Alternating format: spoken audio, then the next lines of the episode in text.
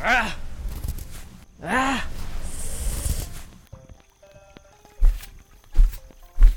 Ada apa dengan Anda, wahai pangeran? Ini sudah malam. Kenapa Anda belum tidur? Ah, aku tidak bisa tidur. Aku butuh pencerita untuk membantuku agar bisa terlelap malam ini. Baik, Tuan. Segera saya laksanakan.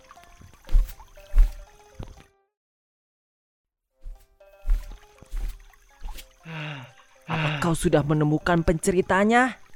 Belum, Tuanku. Saya terpikirkan satu pertanyaan. Pencerita seperti apa yang Anda butuhkan untuk membuat Anda tertidur? Aduh, Dasar serius berontak lamban. Aku inginkan pencerita untuk membantuku untuk tidur. Siapa pun pencerita itu, terserah kau. Yang pasti, itu bisa membuatku untuk tidur. baiklah Tuanku. Sesuai permintaanmu, akan segera saya siapkan pencerita itu, Tuan. Dasar pangeran resek amat lah.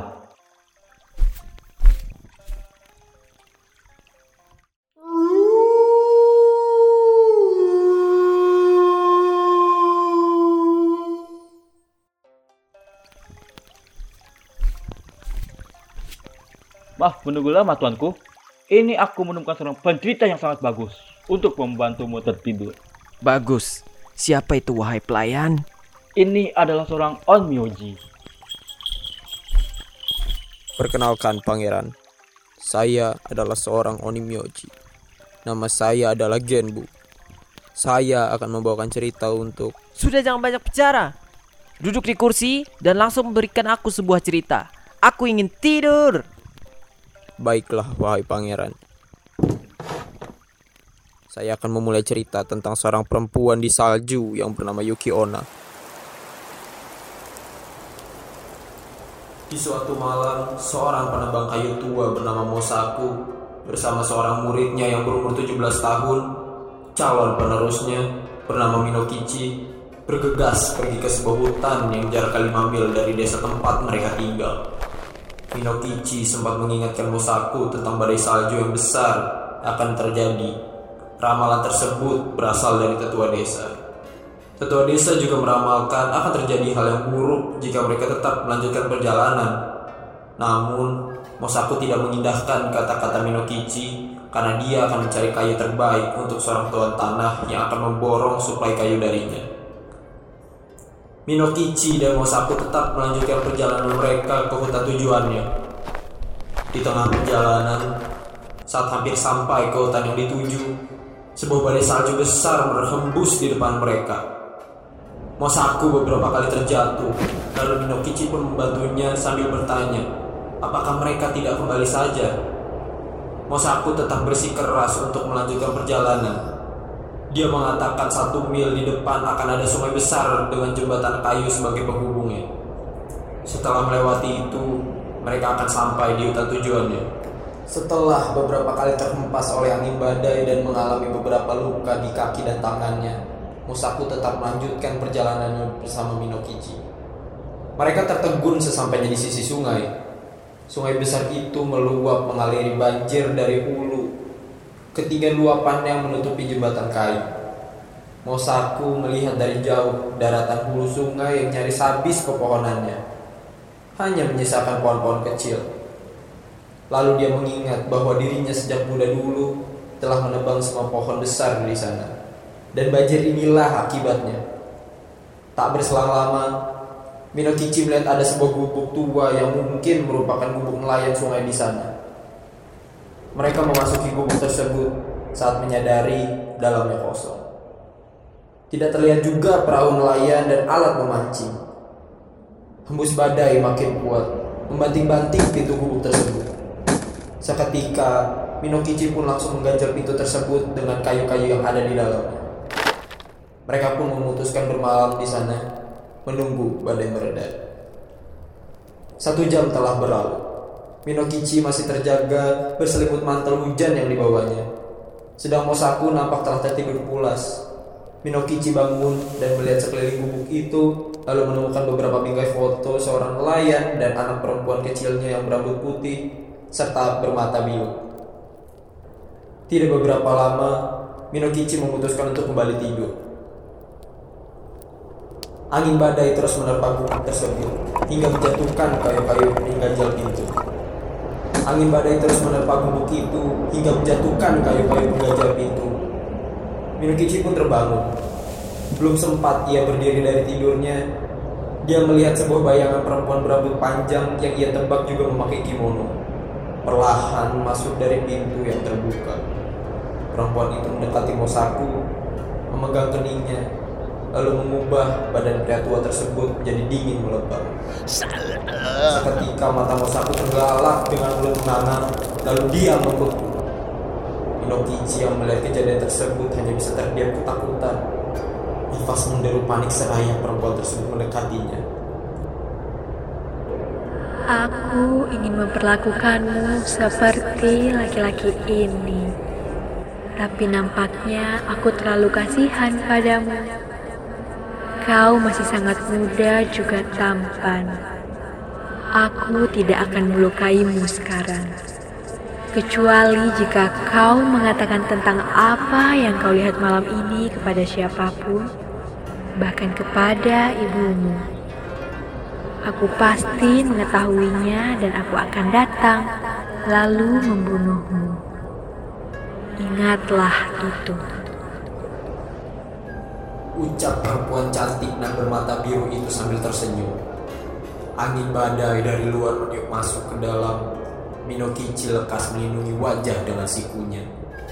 Lalu ia dapati perempuan itu menghilang.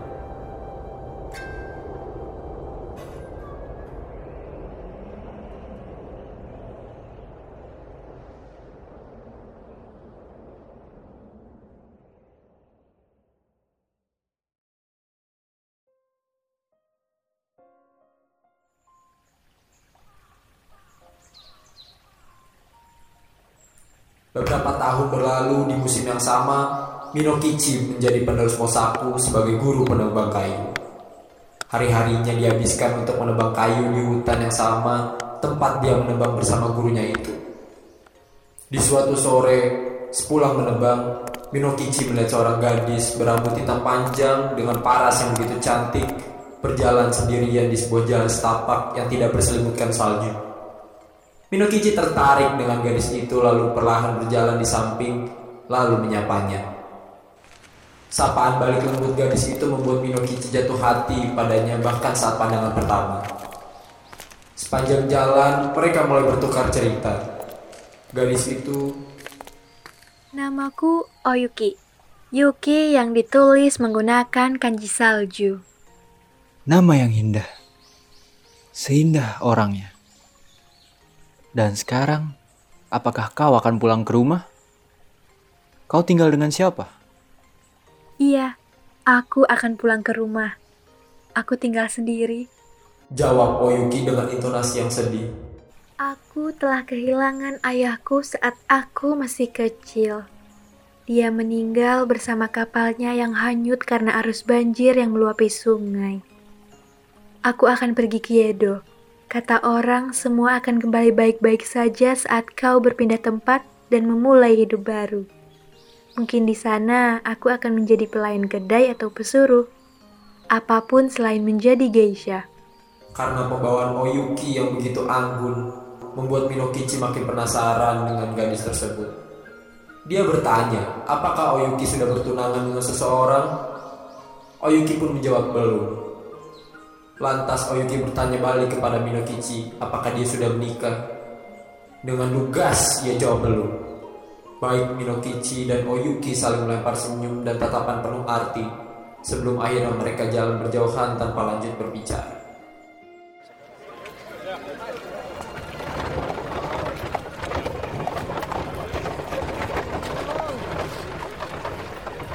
Setibanya mereka di desa, Minokichi menawarkan Oyuki untuk beristirahat sejenak di rumahnya.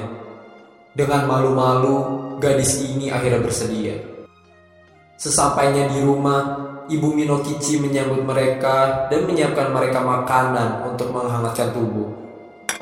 Oyuki berperilaku sangat baik, sehingga ibu Minokichi pun langsung menyukainya dan berharap dia menunda kepergiannya ke Yedo hingga akhirnya Yuki tidak pernah pergi ke Yedo lagi.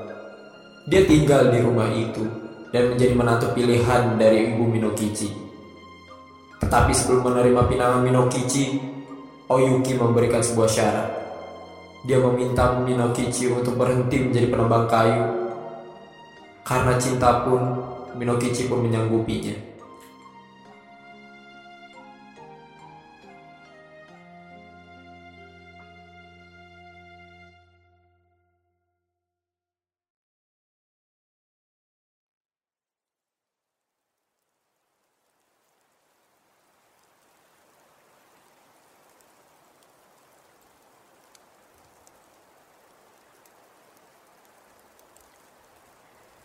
Sepuluh tahun telah berlalu. Minokichi dan Oyuki dikaruniai tiga anak laki-laki dan tiga anak perempuan. Setelah bertahun-tahun Minokichi beralih mata pencaharian sebagai pedagang hasil kebun, keluarganya hidup dalam kemiskinan. Terlebih saat ibunya meninggal, Minokichi makin terpuruk. Hingga di suatu sore, Oyuki memberitahu bahwa stok beras dan sayuran telah habis. Minokichi pun semakin tertekan lalu hanya bisa menghabiskan berbatang-batang rokok serta arak di malam itu.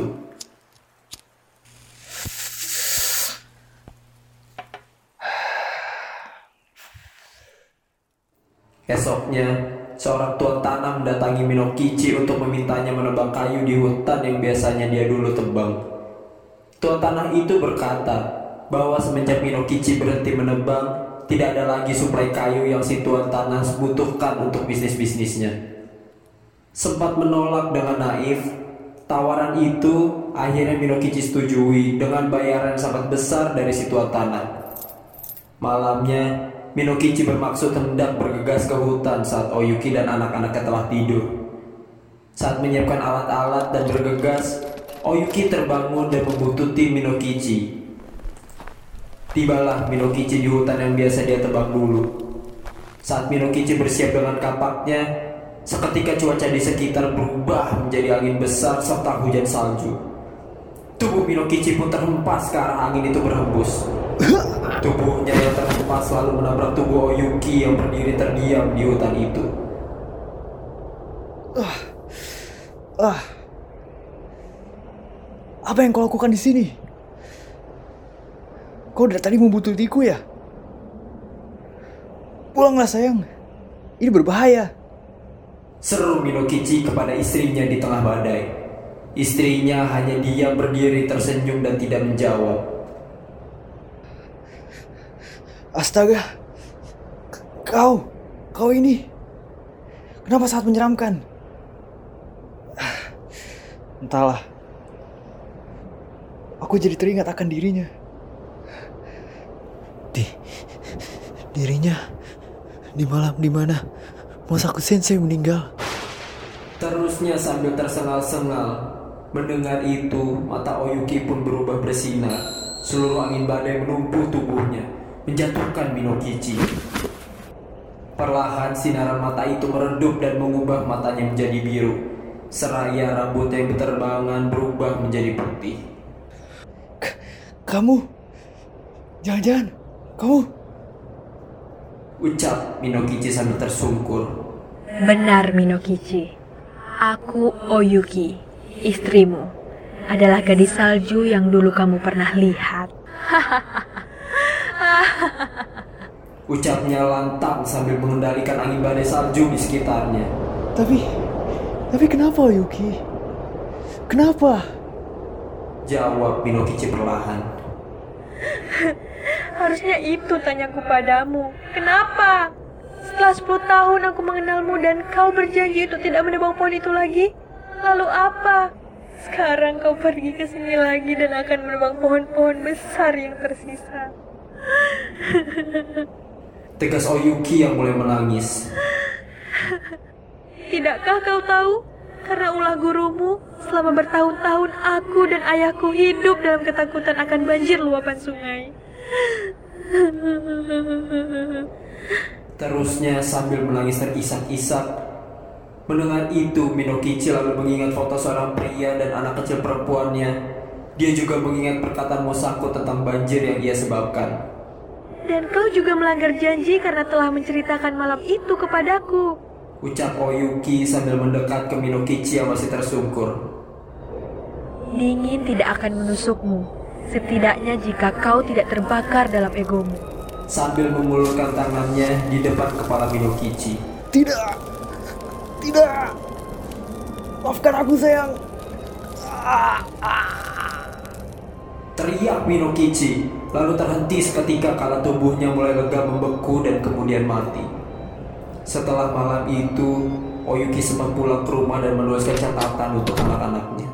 Anak-anakku, mungkin saat kalian membaca ini, hari-hari selanjutnya akan terasa berat untuk kalian. Untuk beberapa alasan, ibu dan ayah tidak akan pulang ke rumah, mungkin untuk selamanya. Tapi hanya satu pesan ibu, sesulit apa pun keadaannya, lindungilah pohon dan hutan di sekitar kalian. Jangan pernah menebangnya seperti apa yang ayah lakukan. Meskipun karena dosa ayah kalian itulah ibu mencintainya. Jaga diri kalian dan ingatlah bahwa ibu dan ayah sangat menyayangi kalian. Bahkan hingga sejuta musim dingin berlalu. Seraya menangis ditinggalkannya surat itu di atas meja tempat biasa mereka makan bersama. Angin dingin pun menyeruak masuk melewati jendela yang terbuka menjemput tubuh Oyuki yang perlahan menguap menjadi butir salju putih dan terbang ke awan.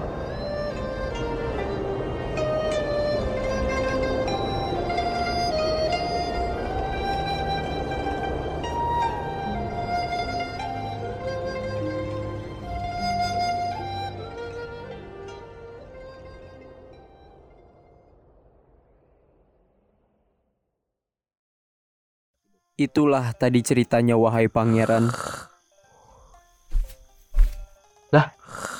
Mati tidur dia. Eh, maafkan kelancangan tuan saya. Eh, terima kasih sudah membacakan cerita yang begitu menarik, wahai Onyoji.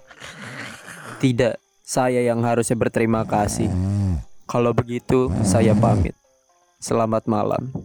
Selamat malam juga, Onyoji. Setiap Yore punya ceritanya masing-masing. Di kematiannya, Oyuki adalah contoh ingkar janji dan kemarahan sang wanita. Jika ada salju yang turun di sekitar rumah, Oyuki sedang berkunjung ke sana. Nenen korori. Kon korori. Oyuki ga koyo. To kon korori. iki mawa surete kon korori. Arano naka demo kon korori. Mo meza meru koto wa dekinayo